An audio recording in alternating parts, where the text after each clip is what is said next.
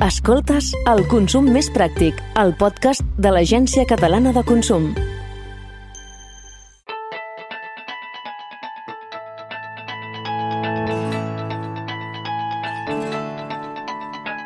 I una setmana més parlem de temes de consum que realment ens interessa i molt, i a més ens va molt bé saber cosetes puntuals eh, durant tot l'any, però ara que estem en èpoques nadalenques, de compres, de consumir una mica més, doncs certes coses van molt bé. I coses que passen tot l'any en el món del consum són les trucades comercials o les visites comercials, que evidentment en èpoques de pandèmia doncs, són menys habituals, però encara n'hi ha. I també va bé saber què podem fer davant d'aquestes trucades que ens volen oferir doncs, serveis o algun tipus de producte que està més econòmic o algun tipus de proposta per estalviar-nos uns diners. Per poder comentar això, tenim, com sempre, la Judit Pujol, que és la cap de secció de consum de Tarragona, de l'Agència Catalana del Consum. Judit, molt bon dia. Bon dia, Sílvia. Evidentment que les trucades comercials és un fet real, han existit sempre, jo crec que no acabaran mai, i potser les visites menys, no?, per això de la pandèmia, però en primer lloc, no sé si hem de saber alguna cosa puntual davant aquestes trucades que ens poden interessar més o menys, a vegades, no? Sí, eh, és important saber que totes les empreses, per poder venir a casa nostra uh -huh. o fer-nos una trucada comercial, amb finalitats comercials, primer de tot han de tenir el nostre consentiment. Si no, no ho poden fer. O el nostre consentiment o que nosaltres eh, ens interessi alguna que hem vist per la tele o per internet, truquem a l'empresa i diguem, escolta, em pots venir a fer una visita i uh -huh. explicar-me mm, aquest servei o aquest producte? Llavors ho podran fer. Eh, pensa que eh, hi ha una llei estatal que en quant a les companyies de llum i gas, les comercialitzadores de llum i gas, els hi té prohibit eh, fer qualsevol publicitat al domicili. I aquí a Catalunya tenim la llei de comerç, uh -huh.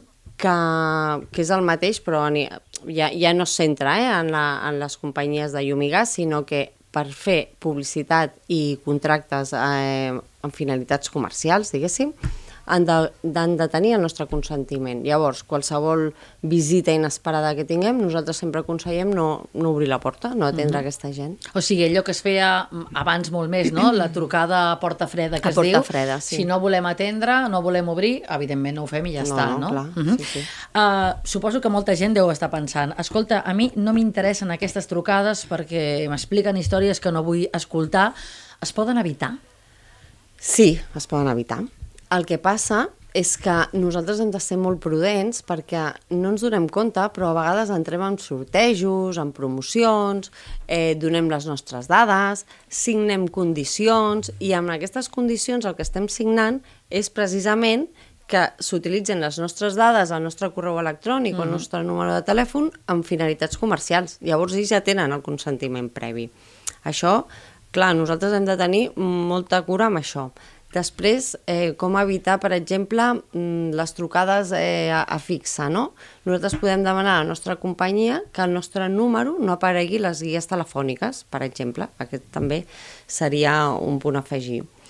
Eh, què més? Eh, podem, sa- saps aquests drets que sempre diuen el, de, el dret a rectificar, mm. a oposar-se, etc. Doncs, doncs nosaltres, un cop haguem donat el consentiment o siguem conscients de que oh, potser sí que vaig donar el, el telèfon a aquesta, a, per a aquesta promoció, etc. quan ens truquin nosaltres tenim el dret a oposar-nos, a dir que no volem eh, que se'ns truqui més, no? Mm -hmm. I després eh, hi ha el que s'anomena a mi em fa molta gràcia, la llista Robinson, fa gràcia perquè bueno, té aquest nom, però és molt senzill i molt útil, que és que és un servei que se'ns dona precisament per evitar eh, les trucades ah. comercials, eh, ja sigui, mira, és eh, via telèfon, uh -huh. eh, SMS, eh, MMS d'aquells, després per correu electrònic o per correu postal. Llavors nosaltres el que hem de fer només és entrar a...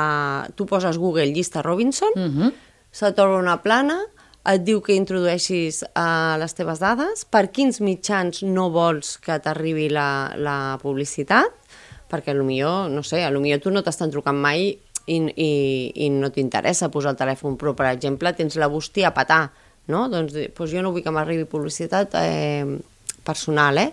eh, per la bústia, no? I llavors marques. Ah, perfecte. I aquesta llista va molt bé. Uh -huh. També hem de recordar que tenim una normativa que ens diu que eh, a partir de les 9 del vespre fins a les 9 del matí estan prohibides totes les trucades comercials. Uh -huh. Això de la llista Robinson està bé, jo crec que jo personalment no ho sabia i molta gent ho desconeix, és una manera doncs, ja d'apuntar-nos a aquesta llista per tal que, que no ens molestin. No?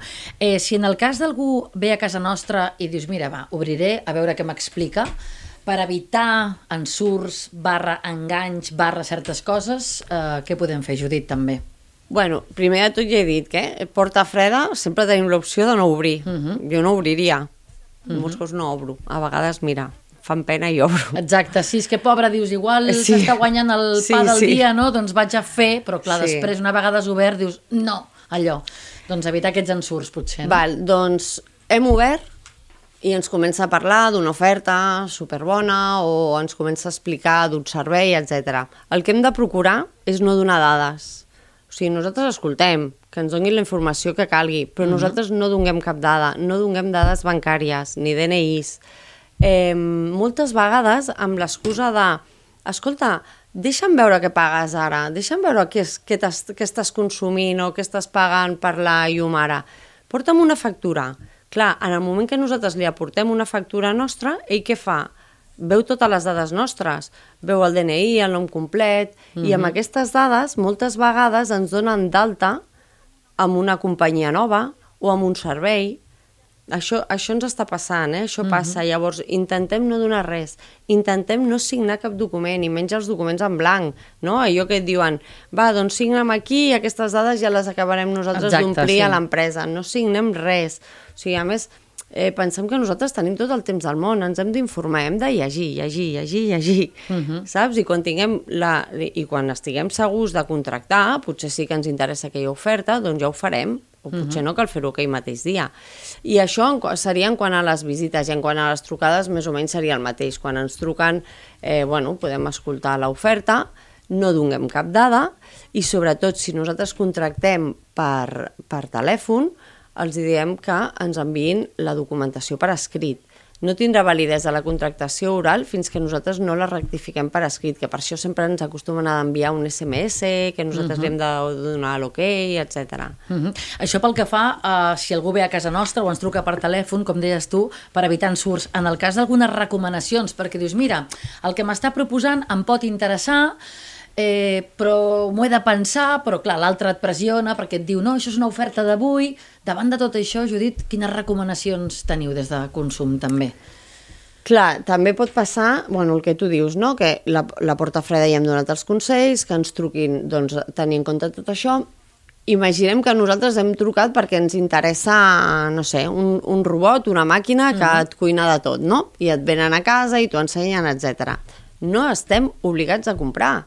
No tenim, o sigui, el fet de que nosaltres truquem perquè ens vinguin a casa i rebre la informació, etc, no significa que nosaltres haguem de comprar.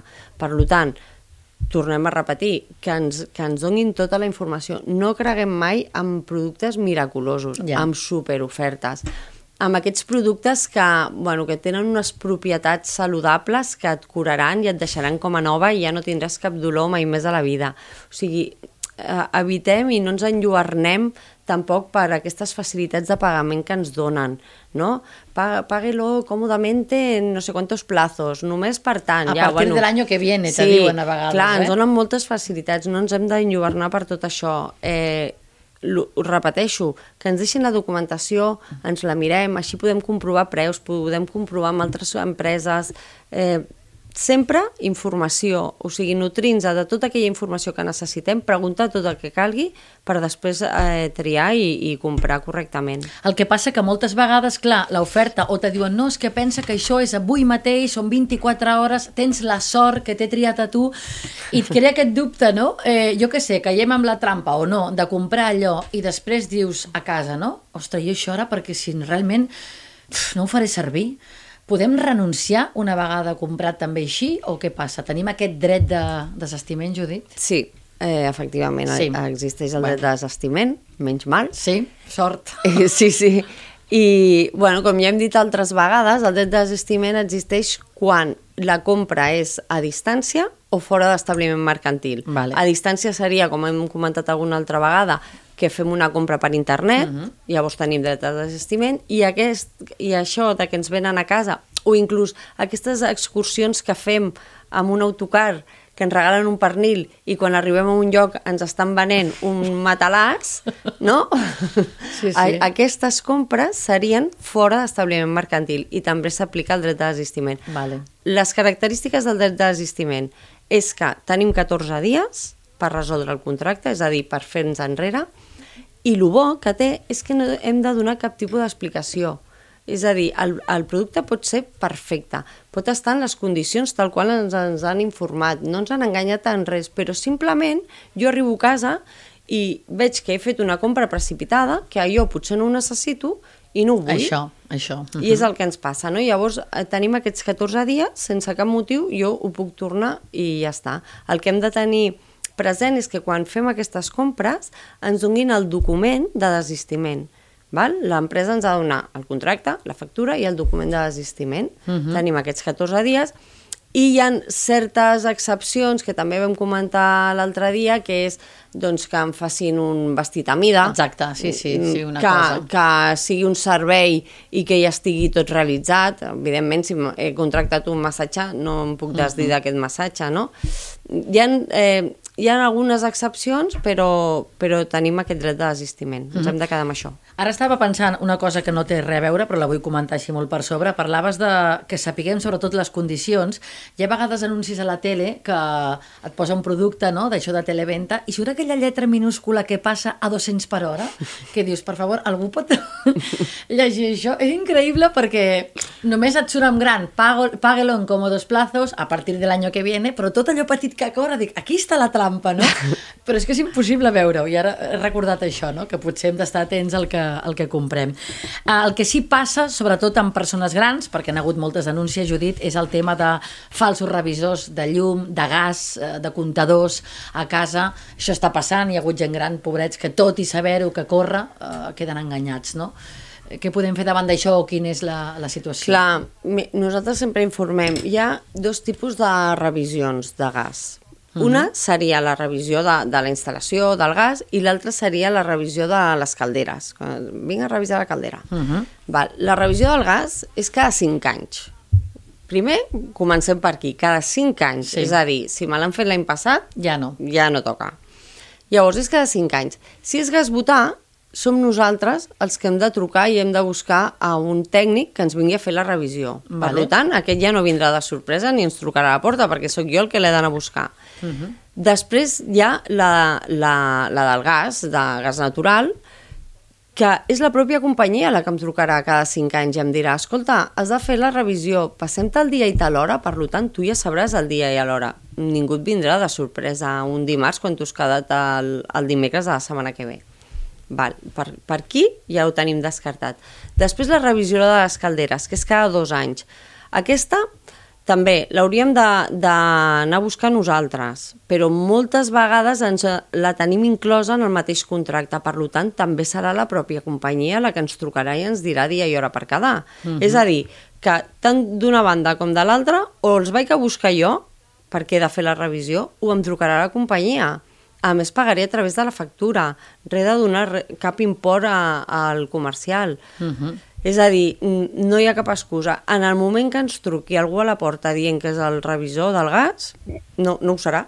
Uh -huh. No hi ha volta de full, per tant, tornem a aconsellar no obrir la porta. Doncs mira que és un tema que encara molta gent gran eh, bé, està dient doncs, o denúncies no, de- d'aquests falsos revisors, no? Sí, sí. Si més no, clar, les persones grans igual confien massa, però si ho sabem, això, si no tenim una cita concertada, i com dius tu, Judit, no paga res en aquell comercial, no? Sí. Perquè és una despesa que anirà directe a l'empresa o com sigui. I, òbviament, si, si tot i així eh, s'han despistat, entren, etc, que vagin els Mossos i ho denunciïn. Això Mhm. uh -huh. això s'ha de denunciar als Mossos d'Esquadra. sobretot. El tema de reclamacions, que sempre acabem una mica dient el què podem fer, evidentment tu parlaves de que tenim aquest dret de desestiment, que si fem una compra d'algun servei a través de porta freda, entre cometes, o trucada telefònica, podem reclamar també, no, Judit? Si no sí, estem d'acord? sí, podem reclamar. Eh, com hem dit, és sempre molt important que davant de qualsevol compra, ja sigui d'un producte producte com la contractació d'un servei nosaltres tinguem una factura, un contracte on hi hagin les dades del responsable del venedor i per tant nosaltres el primer que hem de fer sempre és reclamar al venedor, al, al responsable i fer la reclamació prèvia que no ens contesta en un mes o que ens contesta qualsevol cosa que nosaltres no estem d'acord, veiem els nostres drets vulnerats, podem anar o a la OMIC, uh -huh. és a dir, a l'Ajuntament, en aquest cas a Tarragona, a Tarragona, a Salou i a Cambrils. Sí. Després podem anar a un Consell Comarcal o a la nostra seu aquí a Tarragona i presentar una reclamació i nosaltres a través de la mediació i de l'arbitratge intentarem arreglar el tema. I a més a més jo he de dir personalment que val la pena fer-ho, que a vegades és invertir un temps que dius ah, és que no m'ho arreglaran i perdré el temps i val la pena. A vegades es pot guanyar, altres no, però com a mínim no, uh, sabem que tenim aquest dret. A excepció de Renfe, que fan el que volen, i quan volen, i com volen, però bueno, això ja seria un altre capítol molt llarg de parlar. Judit Pujol, que és la cap de la secció de consum a Tarragona, de l'Agència Catalana del Consum, gràcies, com sempre, pels, consums, ai, pels consells que ens portes de consum i dir també que evidentment teniu eh, la vostra plana web que és consum.gencat.cat i també a través d'Instagram, Twitter o Facebook arroba consumcat que allà podeu accedir a qualsevol xarxa d'una forma molt fàcil. Gràcies Judit una vegada més per estar amb nosaltres. Gràcies a vosaltres. Gràcies.